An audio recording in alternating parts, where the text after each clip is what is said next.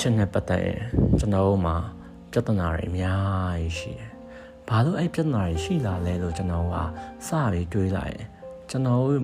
မိသားစုတွေမိဘတွေရဲ့ပြုစုပြောထောင်မှုနိုင်အများကြီးသက်ဆိုင်တယ်လို့ကျွန်တော်ထင်တယ်။မိဘတွေကကိုယ့်အပေါ်မှာဘလို့ပြုစုပြောထောင်လာလဲပေါ်မူတည်ပြီးတော့မှကျွန်တော်တို့ဟာအချစ်ပေါ်မှာအမြင်တွေခံယူချက်တွေကွဲပြားခြားနားသွားတယ်။တချို့မိသားစုကအချစ်ကို ကျွန်တော်တို့ကရိုးရိုးရှင်းရှင်းဘာသာစကားတစ်ခုအနေနဲ့ပေါ်ပြဖို့အရန်ဝင်နေကြတယ်။အမေသားကိုချစ်တယ်နော်ဆိုတာလေးအောင်မှ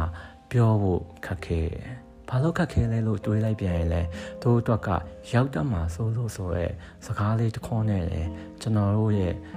ခံစားပိုင်ခွင့်တွေရပိုင်ခွင့်တွေရယူနိုင်စွမ်းတွေကိုချိုးနိုင်လိုက်တယ်လို့ပဲဒီခါလေးကြောက်ကျွန်တော်ခံစားမိရဗျာ။ ဒီထက်ပိုဆိုးတာကအချစ်ကိုနားမလဲလူတွေကအချစ်ကြောင်းရေးကြအဲ့အတွက်ပတ်စံရှာကြအချစ်ကြောင်းရုပ်ရှင်တွေရိုက်ကြအဲ့အတွက်ပတ်စံယူကြနဲ့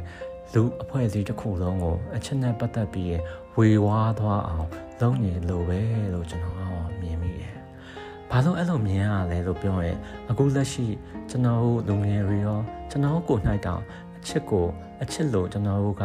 နားလည်ရေးလားလို့ကျွန်တော်ကတွေးစရာဖြစ်လာတာပေါ့ ကျွန်တော်ကလူတယောက်ကိုချက်တယ်လို့ပြောလိုက်တာနဲ့သူ့ရဲ့တာဝန်တွေကိုယူရမယ်ဆိုရဲဟာကနောက်ကလိုက်လာအောင်အဲ့လိုပြောပြန်တော့လေကျွန်တော်အနေနဲ့ကြာဒီကောင်ကမိန်းမတယောက်ကိုဒါမှမဟုတ်လူတယောက်ကိုကြောရယုံကြံတယ်ဆိုရဲဟာကိုကျွန်တော်တို့က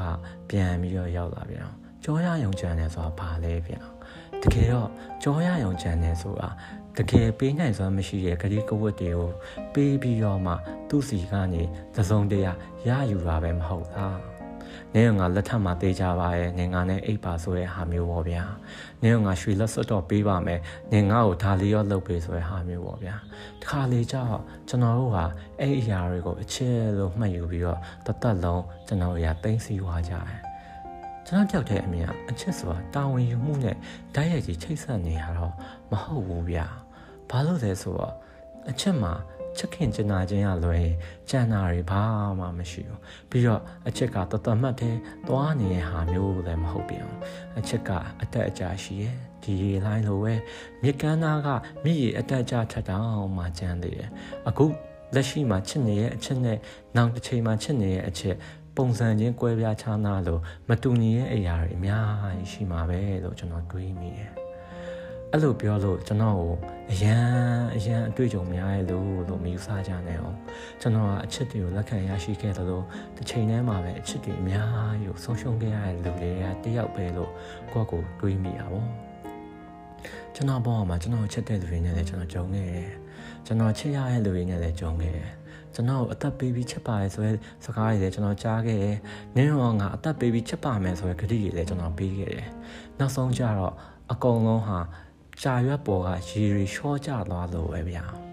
အကောင်လုံးကရှိခဲ့ဘူးရဲ့အတိတ်တစ်ခုကိုပြန်လဲလွမ်းဆွနေရောမှတပါကျန်တာဘာမှမရှိတော့ပဲနဲ့လက်တွေ့ဘဝမှာစောက်တည်ရမယ်တုံလှုပ်ချောက်ချစရာတစ်ခုပဲကြံခဲ့ရဲ့လို့ကျွန်တော်ကတွေးရရဲ့ဗျာဘာလို့လဲလို့ပြောရင်အချစ်ကအချစ်သေးတဲ့အနေနဲ့ရက်တည်နေလို့ပဲဟုတ်တယ်တချို့သောတိဆောက်မှုတွေဥပမာလိန်ဆက်ဆံမှုပဲဆိုပါတော့ဗျာ